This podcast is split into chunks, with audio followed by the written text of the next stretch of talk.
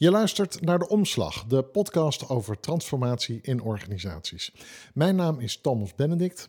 Ik spreek vandaag met Hans Raamsdonk, beleidsadviseur leren en ontwikkelen en lid van de ondernemingsraad binnen ProRail. Vandaag in De Omslag.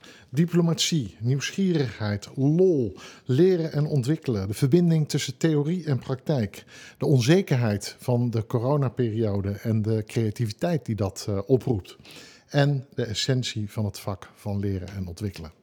Hans, welkom. Dankjewel. Ik uh, zit hier tegenover iemand met uh, 40 jaar ervaring in het vak uh, leren en ontwikkelen. Mm -hmm. um, ik ben zo benieuwd, wat, wat, boeit jou daar nu vandaag nog steeds aan? Het is een, het is een vrolijk vak. Het is een vak waarbij nieuwsgierigheid voorop staat. Waarbij je mensen prikkelt tot nieuwsgierigheid. En mensen worden nieuwsgierig en ze gaan iets nieuws doen, ze gaan iets ontdekken. En dat is het mooiste wat er is. Ik ben een tijdje ook manager geweest van een reisbureau.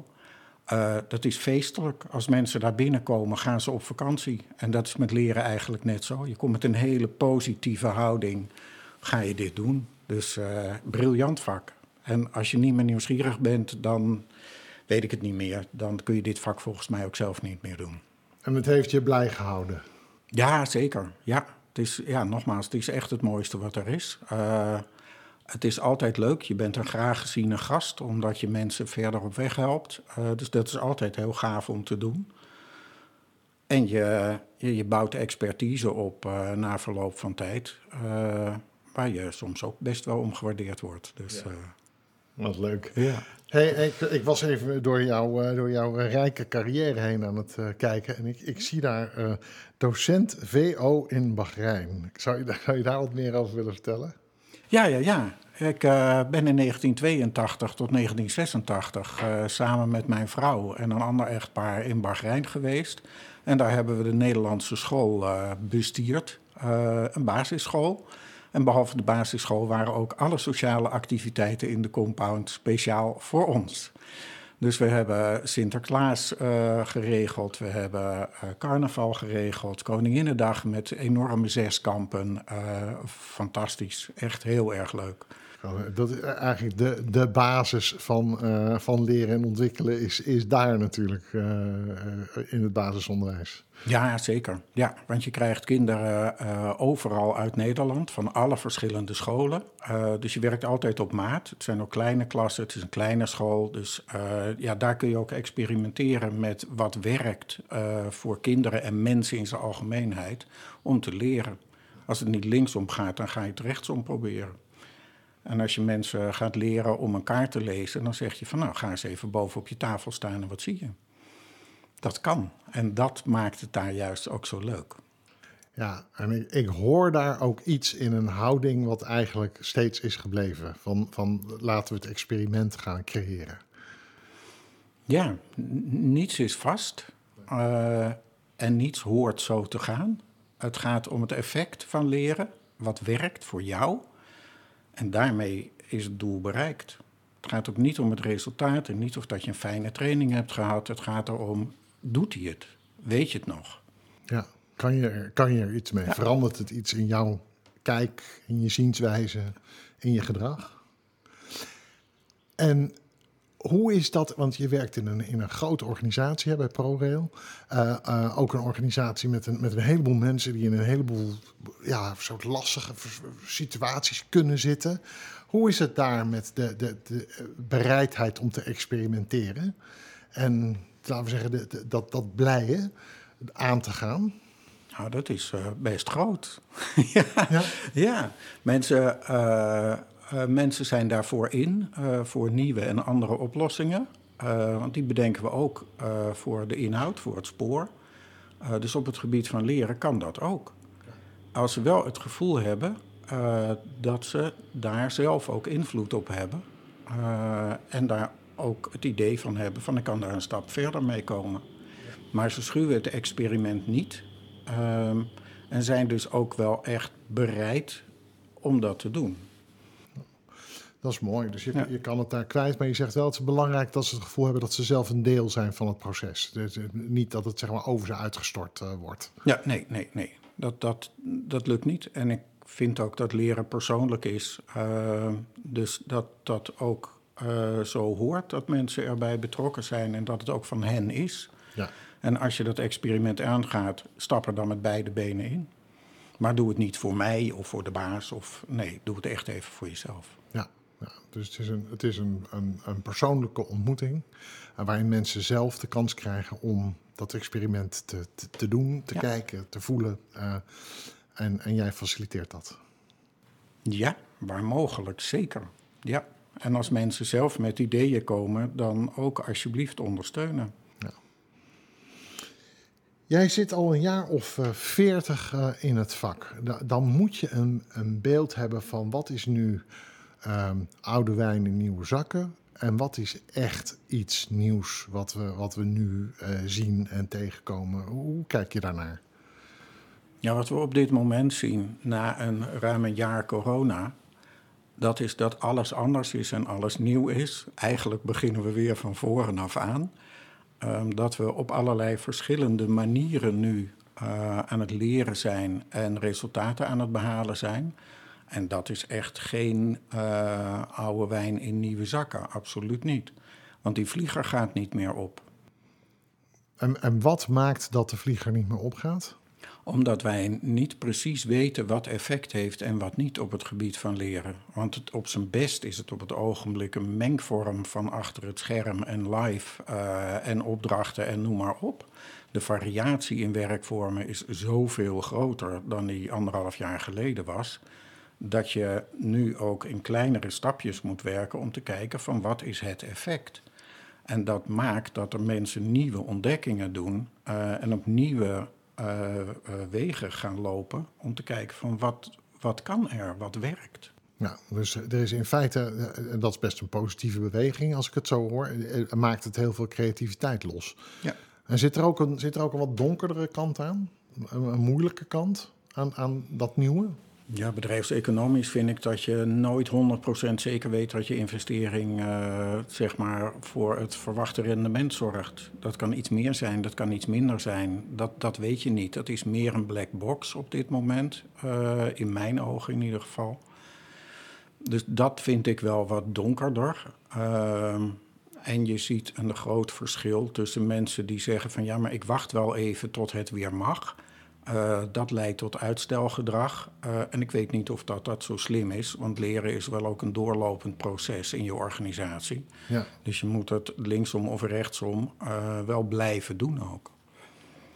Zie je iets van, want we, weten dat hè, als mensen met een, met een compleet nieuwe situatie worden geconfronteerd, dan heeft dat eigenlijk verschillende invloed op verschillende mensen. Hè. Sommige mensen blijven, blijven stilstaan en afwachten terwijl anderen bewegen. Um, zie jij die verschillen nu ook in de praktijk? Ja, ik zag ze vooral.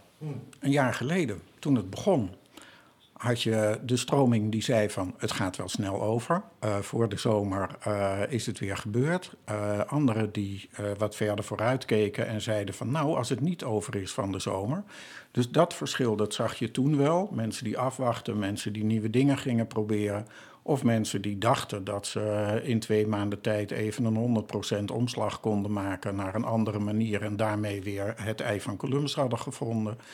Dat is niet uh, zo gebleken. En je merkt nu dat iedereen, in welke omstandigheid dan ook, bezig is om te kijken van wat heeft effect, wat werkt. Ja. En dat gaat op sociaal gebied, dat is inhoudelijk gebied, uh, ja, op alle gebied. Um, dus als je kijkt naar de, die hele tijd waarin jij, waarin jij werkzaam bent geweest, zou je dan zeggen dat, laten we zeggen, de coronasituatie zoals we die de afgelopen anderhalf jaar kennen, dat dat de grootste verandering is geweest die je hebt meegemaakt in ja, organisatieland? Ja, is voor mij wel de grootste klapper geweest, uh, die nog niet voorbij is. En voor de rest heb je afgelopen jaren natuurlijk allerlei stromingen gehad. Uh, en iedere stroming kon je achterna lopen en kon je ook weer van terugkeren. We zijn nu met z'n allen in een stroming beland waarvan we niet weten waar die uitkomt. Dat maakt het juist zo interessant, maar dat maakt het speelveld ook gewoon veel mooier uh, dan het was. Want je hangt niet meer één vorm aan. Je kijkt naar hoe gaat het straks. En te midden van die, van die grote variabiliteit, hè, want het is in feite, we zitten nu in een stroomversnelling, het gaat alle kanten op je. Ja, dat, dat is eigenlijk wat je aangeeft. Ehm, wat is nog steeds waar als het gaat om jouw vak? Nog steeds is waar dat leren van mens tot mens gaat. En dat je zoekt naar dat menselijk contact uh, en naar degene die jou wat mag leren. Uh, in welke vorm dan ook. Dat kan in afstandsvorm zijn, dat kan in directe vorm zijn. Maar je, je hebt die basis wel nodig. De basis van leren is dat je het van iemand leert. En dat kan ook in de vorm van een e-learning zijn, uh, dat het een afgeleide is. Maar dat is de basis en die blijft ook overeind. Ja, dus. Maar hoe zit, hoe zit dat met die menselijke connectie in, in e-learning dan? Hoe, hoe zie je dat? Nou, je kunt uh, e-learnings maken gericht op verschillend publiek en verschillende vorm. En uh, dat is altijd, levert dat een virtuele connectie, of hoe je het ook noemen wilt, tussen uh, de maker en degene die leert op. Ik heb e-learnings die zie ik, die doe ik, en daarmee is het klaar, want ik word niet geraakt, er gebeurt niks bij ja. me. En daar zit het grote verschil. Uh, dat als je e-learnings maakt voor een doelgroep, dat je hem ook zo maakt dat die klopt. In de e-learning moet je ook laten zien, ik begrijp deze doelgroep. Ja. Wat, wat ik me dan afvraag, hè, want um, ik heb ooit wel eens een stelling geponeerd dat e-learning niet werkt. Um, uh, wat jij zegt is, als die zeg maar goed getalerd is naar een specifieke doelgroep en een, en een specifieke situatie, dat mensen zichzelf, zichzelf en hun eigen vraagstukken eigenlijk herkennen in e-learning, dan werkt die wel. Ja, en het ligt er ook aan hoe abstract of hoe concreet of dat je hem maakt. Mm -hmm. uh, een e-learning voor machinisten om uh, te leren wat er allemaal uh, gebeurt in een cabine. Dat is iets dat, dat werkt gewoon. Ja. Want dat is iets dat moet je leren. Ja. Uh, dat zijn handelingen. Uh, des te abstracter die wordt, uh, des te ingewikkelder dat ook wordt. Ja, ja dus, dus dan, dan zou je bij wijze van spreken in e-learning zou je dan ook een soort van cyclus kunnen programmeren. Dat je ook kan zien wat, welke handelingen iemand wel en welke handelingen iemand niet begrijpt. Waardoor hij dus de volgende stap weer kan maken op de stukken die, wel die, die niet begrepen worden ja. nog. Ja. ja, die ja, klopt. Daar was in Amerika, had je Waffle House. Uh, en die hebben een e-learning laten ontwikkelen uh, om eieren te bakken en spek uh, en koffie te zetten. En dat kon je dus verschillende keren doen, net zolang totdat je dat goed getimed had en dat je ook wist hoe je crispy bacon voor elkaar kreeg. Ja, ja dat vind ik briljante e-learnings. Ja, ja. Maar dat is dus voor, dat is vooral praktisch. Hè? Als Ja. het dan gaat om, om gedrag, zeg maar, om, of om leiderschap bijvoorbeeld. Wat is de plek van e-learning daarin? Want da- daar werd vroeger heel veel van verwacht. Hoe, hoe zie je daar nu tegenaan? Hmm, verschillend. Ik zie er wel veel dingen van terug, vooral in de vorm van webinars, zeg maar. Mhm. Uh, waarbij het er ook maar uitmaakt wie of dat dat doet. Uh, TED Talks kun je zien als een vorm van e-learning. Uh, ja, daar zitten prachtige voorbeelden bij. Uh, en dat, dat is uitleg en dat is je meenemen in een filosofie. En dat vind ik heel erg interessant. Simon Sinek over de Golden Circle. Ik denk dat iedereen die TED Talk wel heeft gezien in een kwaliteit die beter mag. Ja, dat, dat raakt wel. Dat Ja. is wel heel interessant. Ja. En dat geldt ook voor Mr. Mintzberg, die achter zijn bureau zit uh, te praten over management. Ja, prachtig. Structure in fives. Ja, doe maar. Meer. Je had het over um, onzekerheid eerder. Daar praatte ik je voor nog even. En, en onzekerheid, wat, wat, wat, wat betekent dat voor jou? Dat, dat woord, dat begrip. Ja, onzekerheid in ons vak vind ik wel een kans altijd. Uh, als het over mijn hypotheek gaat, vind ik het duidelijk minder. Uh, maar in ons vak vind ik het mooi. Want onzekerheid nodigt namelijk uit tot samenwerken en samen leren. En dat je ook juist weer in deze periode uh, maakt dat dat helemaal niet erg is. Ja. En we moeten ook niet denken dat ook als je aan een training begint, dat je weet waar je uitkomt. Daar zit altijd onzekerheid in. En die onzekerheid, naarmate je die meer deelt met de mensen waarmee je leert, des te mooier het resultaat in mijn ogen. Ja, dus op het moment dat je uh, je onzekerheid ehm, weet te transformeren naar iets gezamenlijks. En het dus ook samen weet te beleven. Dan ben je in staat om meer te creëren dan dat er was. Ja, onzekerheid leidt tot onderzoeken als het goed is. Ja, ja of, tot, of juist tot, tot verkramping misschien. Ja, dan, dat is wel jammer. Dat zou jammer zijn. Ja. hey, je hebt, je hebt een, eh, eh, al een, nou, sinds een jaar of, nou, dertig, eh, in het spoor ben jij werkzaam geweest. Wat, wat was het wat jou daartoe aantrok? Of was het toeval? Ja, het begon met toeval. Want ik werkte dus in het onderwijs. Wij kwamen terug uit Bahrein. Het was 1986. Eh, je werd met de nek aangekeken als je in het onderwijs werkte, want voor jou tien anderen. Ik heb gesolliciteerd van Heino tot Amsterdam tot Maastricht. Eh, daar kwam niets van terecht. Tot, eh, tot ik op een stapel terecht kwam bij de spoorwegen, die op zoek waren naar een soort van management trainees.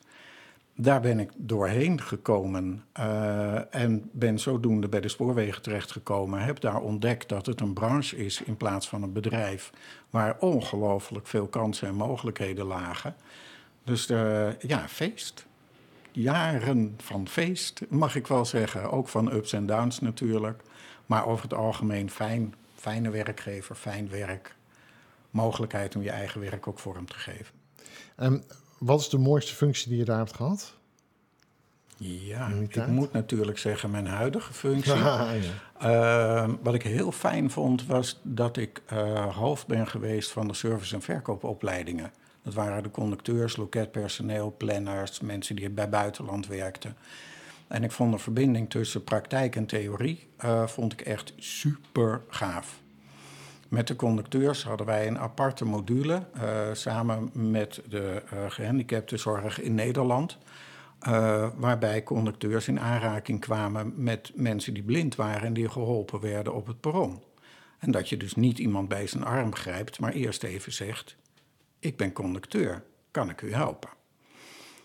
Die hele praktische kant van de zaak en van leren, direct toepasbaar in de praktijk, vond ik echt meer dan super.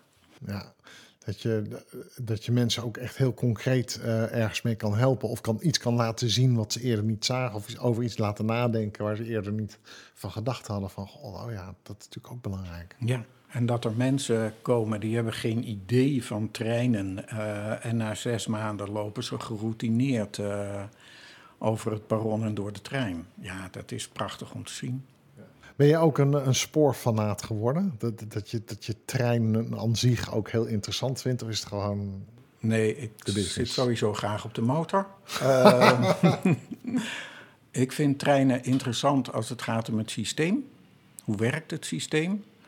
Uh, en ik vind de gemeenschap van mensen die eraan werken, allemaal met één doel: die reiziger uh, zo goed mogelijk van A naar B krijgen, veilig en comfortabel.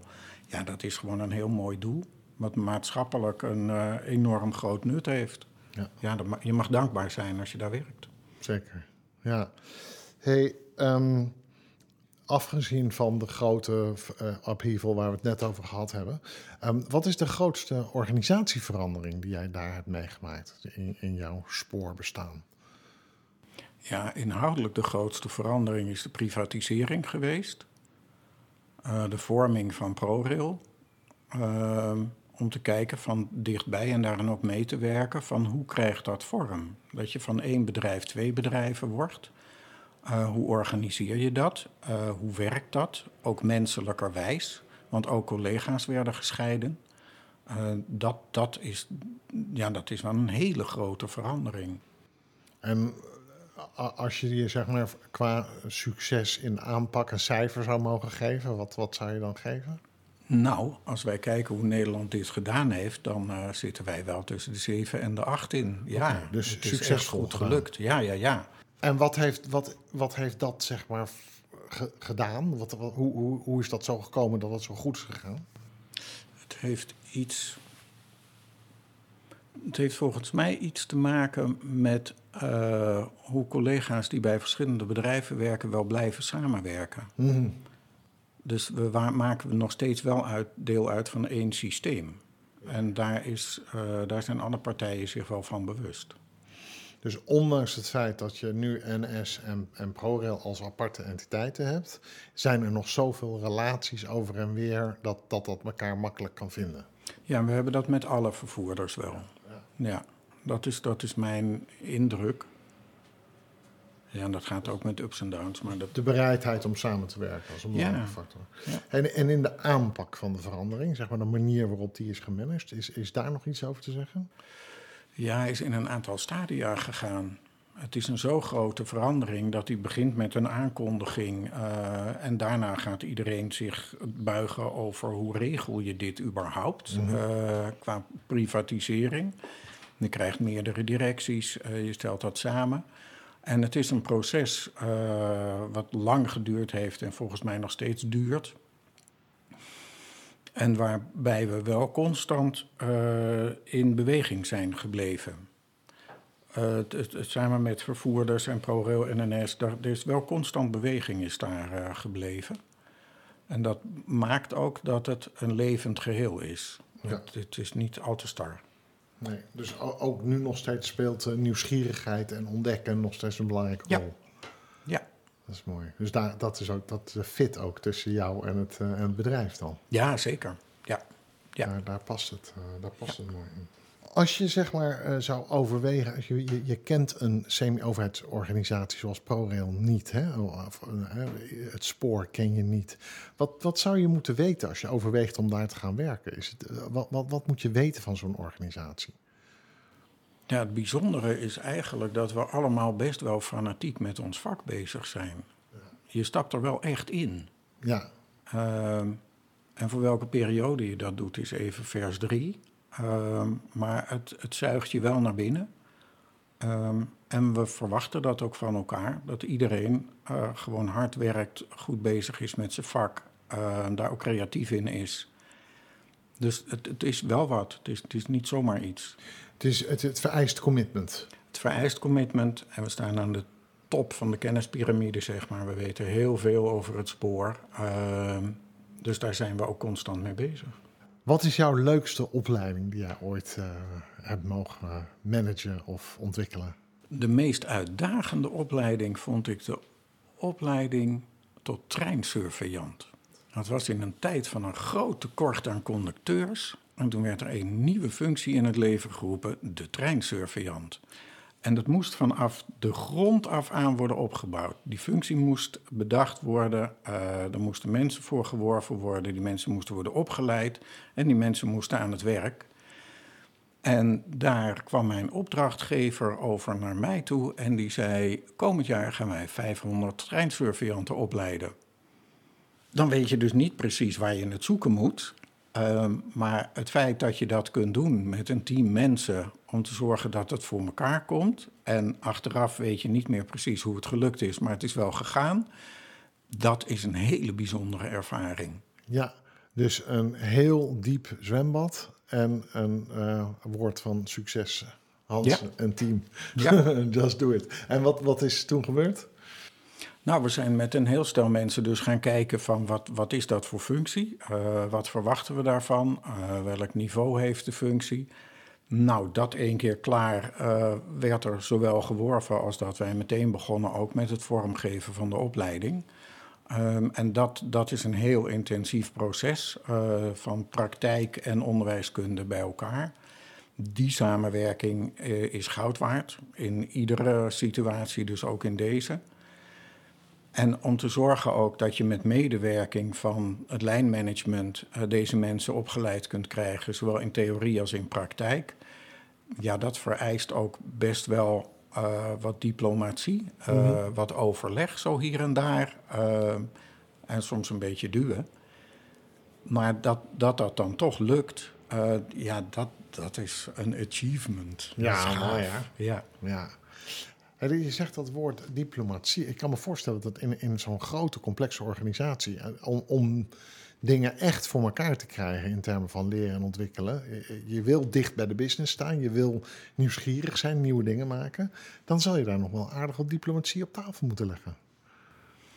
Ja, ja, soms wel. Soms wel. Er komen natuurlijk veel vragen op ons af, waarbij uh, er natuurlijk al best wel veel gebeurd is in de hoofden van de mensen.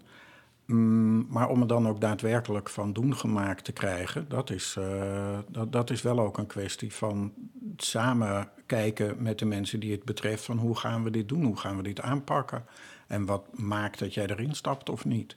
Ja. En dat, ja, daar heb je ook de tijd voor nodig. Mensen moeten ook wennen aan de ideeën. Dus ja, en je moet zorgen dat je goed bekend bent in de organisatie. Mensen moeten je kennen en vertrouwen. Ja, je moet echt een netwerk uh, hebben. Ja. Dus dat, ik kan me voorstellen dat als ooit iemand anders jouw functie gaat bekleden, dat het vooral belangrijk is dat iemand die mensen ook goed kent, zeg maar. Ja, ja, ja. En, en dat iemand ook bekend staat in de organisatie. Dat ja. is iets wat je natuurlijk over jaren opbouwt. Ja, en we hebben natuurlijk een aantal collega's. Uh, en samen zijn we dat netwerk aan het opbouwen, uitbouwen. Uh, ieder vanuit zijn eigen perspectief en expertise. Ja. Dus dat is wel heel interessant dat je als team ook uh, iets opbouwt naar de organisatie toe. En dat ze weten van, oh, het is goed als ik een van hen krijg. Ja, ja dus het bouwen, bouwen van vertrouwen. Ik hoor eigenlijk een aantal, ik hoor eigenlijk een soort van succesmodel hè, voor, mm -hmm. voor hoe je nou uh, goed leren en ontwikkelen doet in, uh, in organisaties. Ik, ik hoor um, het, uh, het, betrekken van, van mensen, ik hoor nieuwsgierigheid, ik hoor praktijk verbinden aan theorie, ik hoor dingen cyclisch laten, laten terugkomen, experimenten opzoeken, lol blijven houden. wat mis ik dan nog? serieus zijn in je vak, ja. expertise hebben in je vak en weten dat je weet wat er speelt. En dus ook die stappen naar voren kunt doen samen met de mensen die het betreft. Ja. Want ons vak uh, ontwikkelt zich natuurlijk uh, steeds. Dat gaat maar door, ja. gelukkig. Komen steeds nieuwe inzichten, er komen nieuwe stromingen bij. Die moet je wel kennen en daar moet je ook wel mee uit de voeten kunnen binnen je organisatie.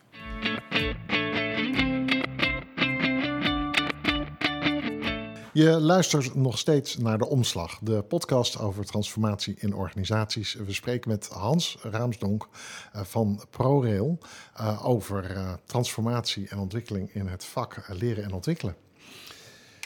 Jij, uh, jij werkt, Hans, niet alleen binnen ProRail, maar je zit ook in allerlei commissies. En die gaan over, wat ik er in ieder geval van begrijp, over de verbinding tussen bedrijfsleven en school. Hoe kijk je daarnaar? Ja, ik denk dat het heel erg belangrijk is. Um, in Nijmegen heb je aan de Hogeschool van Arnhem en Nijmegen uh, de enige HBO-opleiding opleidingskunde, voor zover als dat ik weet. En daar ben ik vanaf het begin af aan bij betrokken. Uh, en daar is ook heel veel, ja, uh, dwarsverbanden zijn daar tussen bedrijfsleven en de school. Uh, en dat maakt het heel belangrijk, omdat vanaf het begin af aan studenten dan ook weten van, oh, daar kom ik in terecht. En dat het niet alleen is dat je een opleiding ontwikkelt, uh, maar dat je ook te maken hebt met stakeholders waar je wat mee moet. En die aspecten, uh, de veel, vele aspecten van ons vak, die moet je tegenkomen als je in, in opleiding bent. Ja, ja, en, en dat, dat is natuurlijk lastig om dat in, uh, in een schoolklasje uh, te doen. Ja. ja. Maar als je nou bijvoorbeeld een goede, net afgestudeerde opleidingskundige tegenkomt, wat, wat, wat maakt het verschil tussen, tussen een goede en een gewone? Nou, een van de aspecten, want er zijn natuurlijk meerdere aspecten die iemand goed maken, behalve een, een goed beginnend vakmanschap uh, waarbij nieuwsgierigheid nog heel hoog in het vaandel staat. Dat heeft veel te maken met organisatiesensitiviteit. Ah. Weet je waar je zit en weet je hoe lang of dat jouw armslag is? Wat kun je wel nog doen en wat kun je niet meer doen? En als je goed aansluit bij de organisatie, dan heb je een veel grotere kans van slagen. Ja, dus je moet goed kunnen inschatten uh, hoe ver je kan gaan, wat je graden van vrijheid zijn, wat, wat zeg maar nog geaccepteerd wordt en wat niet. Ja. ja. Hoe leer ik organisatiesensitiviteit? Heel veel kijken, uh, heel veel vragen, uh, ook gewoon doen. want soms kan er veel meer binnen een organisatie dan de mensen die er werken denken dat het kan. Ik heb op een gegeven moment een stagiair gehad van de Han en die heeft een gehele afdeling uitgenodigd voor de koffie. Waarvan ik dacht van ja, maar dat gaat helemaal niet. Die mensen zijn veel te druk. Uh, maar driekwart was er. dus het kan wel. En juist ook als je nieuw bent in zo'n organisatie, uh, als stagiair, je hebt een prikkelende vraag, ja, dan komt er wat op gang. En dat maakt het ook wel heel interessant voor een bedrijf om stagiairs binnen te blijven halen. Ja, ja. dus het is ook, laten we zeggen, het, het, het onvolkomene uh, het, het, het misschien wat uh, naïeve, onbezonnen van een stagiair. Wat het ook leuk maakt om die in huis te halen. Ja, omdat je ook zelf weer eventjes wordt uh, opgepoetst. Ja. Er kan meer. Ja. Wat ik heel interessant heb, want als je kijkt naar jouw lange carrière, over een jaar of twee, drie is het tijd voor, voor pensioen en voor grote reflectie en, en het, het boek over jouw leven. maar um, wat vind jij, wat zijn de belangrijke dingen die jij graag achter wil laten voor je collega's? Nou, het belangrijkste dat leren persoonlijk is. En dat het werkt van mens tot mens. Uh, dat het netwerk in een organisatie als de onze heel belangrijk is. Uh, en dat het ook een organisatie is waar je van houdt. Het zijn fijne mensen die er werken. Het is een prachtig product waar we mee bezig zijn. Uh, ja, het verdient liefde. Ja. En van daaruit kun je verder werken. Ja wat, wat, ik, wat me opviel aan, um, uh, aan wat jij eerder zei, is ook hoe belangrijk die nieuwsgierigheid en het plezier ook is in het, uh, in het werk. Is dat ook belangrijk in zo'n organisatie, om, de, om dat erin te houden? Ja, zeker. Ja. Want als er geen nieuwsgierigheid en geen plezier is, dan wordt het een moedje. En dan, uh, dan komt het ook niet aan. Dan weet ik ook niet of dat het goed besteed geld is. Het gaat wel ook over enthousiasme en wil je dit? En sommige dingen moeten gewoon gebeuren omdat er kennis is die je moet hebben of je moet een diploma halen. Dat is allemaal prima, maar ook dat doe je met een doel. Uh, en nieuwsgierigheid en plezier gecombineerd met een doel, oftewel zingeving, uh, ja, dat maakt dat mensen toch wel uh, het fijn vinden ook om te leren over het algemeen. Ja. En dat maakt niet uit welke leeftijd je hebt, of dat je jong of oud bent. Dat, uh... Jij gelooft daar niet in, hè? dat het, nee. dat het een leeftijdsgebonden ding is? Nee, nee het wordt anders. Ehm, naarmate de jaren vorderen, maar het houdt niet op. Het houdt ja. denk ik nooit op. Het is ook gewoon zoeken naar de, de manier waarop het dan moet werken en waarop je dan kan leren. Ja. En leren kan zijn dat je dingen tot je neemt, maar leren kan ook zijn dat je dingen overdraagt aan de volgende generatie. En hoe doe je dat? En hoe zorg je dat die generatie ook uh, datgene tot zich neemt wat echt belangrijk is? Want niet alles wat wij achterlaten als wij met pensioen gaan, is uh, van het grootste belang van de wereld. Nee. Er is veel wat mensen gewoon echt wel mogen vergeten. Uh, maar juist die paar dingen, die zijn belangrijk om achter te laten. Ja. En dat gaat ook veel over mentaliteit en hoe bereik je dat doel dan? En wat past bij jou als nieuwe generatie?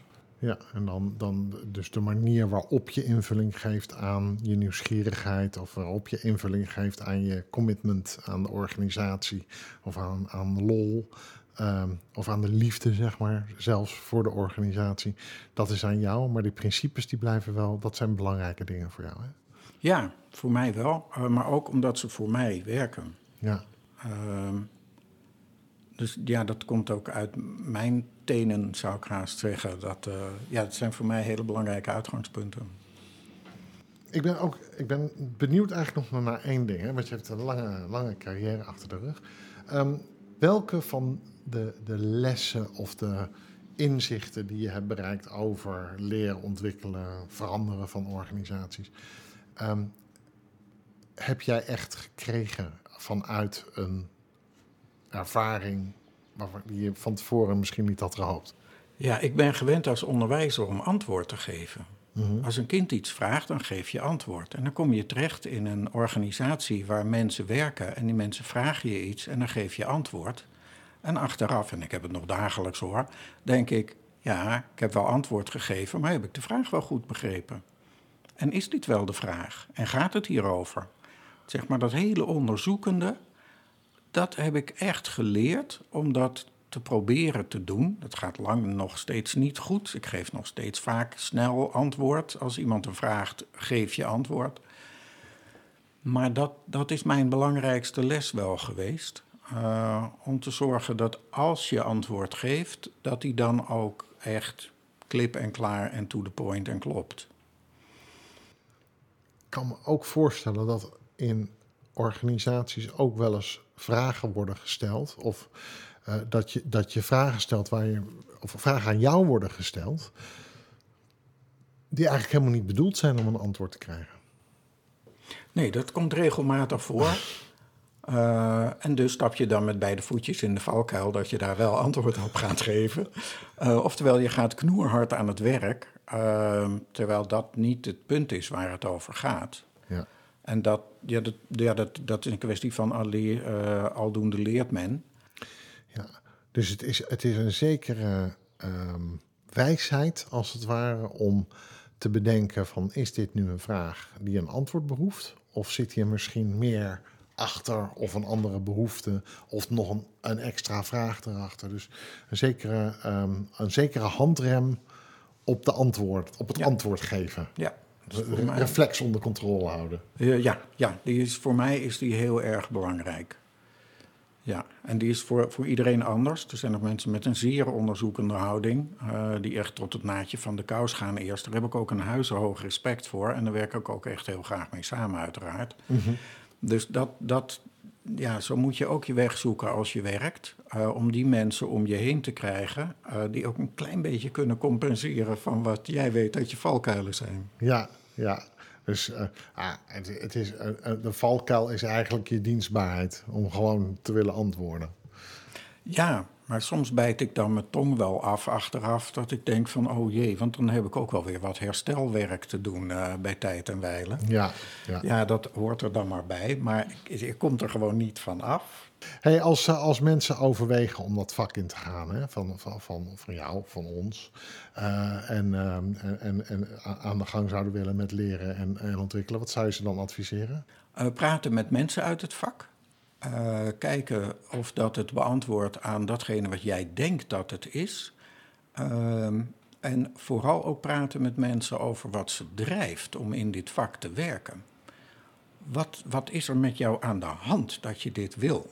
Uh, want je, je reageert ook altijd op de omgeving. Je moet altijd aanstaan in dit vak. Uh, je moet gevoel hebben voor wat er aan het gebeuren is in organisaties. En of je nou bij een bureau werkt of bij een organisatie, dat maakt niet uit. Dus het, het neemt wel iets van jouzelf, ook van je persoon in beslag. Uh, en als je dat fijn vindt, dan is er niks gaver dan dat. Uh, en die start, uh, dan komt de rest wel goed. Want leren kun je overleren tot je er beneden valt natuurlijk. Dus wat je eigenlijk zegt, het is de bereidheid om steeds op de rand te willen staan van je eigen kennis en kunde. Ja. En dus daar het risico in te nemen. Ja, zelf ook blijven ontwikkelen, ook met alles wat je doet. En constant ook je afvragen van als ik dit nu adviseer voor mensen om te gaan doen, uh, zou ik dat zelf ook willen doen? Klopt dat met mij? Of ben ik aan het pleasen? Of uh, wat dan ook. Maar je, dat, je eigen geweten speelt dus mee. Je doet dit met je hele hebben en houden, dit vak. Je doet het met je hele hebben en houden. En wat ik eigenlijk je tussen de regels door ook hoor zeggen... is dat je een bepaald comfort moet ontwikkelen met niet weten wat het antwoord is of hoe het moet. Maar bereid zijn om dat uit te zoeken. Ja, ja, dat, is, ja dat voelt niet altijd heel comfortabel, absoluut niet. Uh, maar het is wel belangrijk, want dat, je moet wel je open geest houden. Want iedere vraag vraagt om een antwoord wat past. Ja. En er zijn dus geen standaard antwoorden nee, als mensen leren. Alleen je alertheid, je aandacht um, en je, je, je wil om te helpen. Dat, ja. da, daar komt het dan uiteindelijk op neer. Ja, en dat heeft ook te maken met wat je ziet als jouw toegevoegde waarde. Want er zijn ook mensen die zeggen van nou, ik heb een model ontwikkeld uh, en dat is een fantastisch model. Uh, ja, dat, dat kan ook. Uh, maar dan, dan, dan zit je dus in een ander deel van het vak. Ja. Ik kom altijd met vragen uh, te zitten waarvan ik denk ja, en nu? Ja, dus het, het, ja, het, het, het, bereid zijn om te verkennen, dat, dat, is echt, dat is echt de essentie. Ja. Absoluut. Dankjewel. Graag gedaan. Je hebt geluisterd naar De Omslag, de podcast over transformatie in organisaties. Redactie vandaag door Femke van den Berg en Thijs Bosselaar. Techniek in handen van Leander van Bijnen. Productie Merna van Korlaar. Mijn naam is Thomas Benedict. Vond je dit een leuke podcast? Deel hem dan met je vrienden of collega's op LinkedIn. Of kijk voor meer informatie op www.incontext.nl.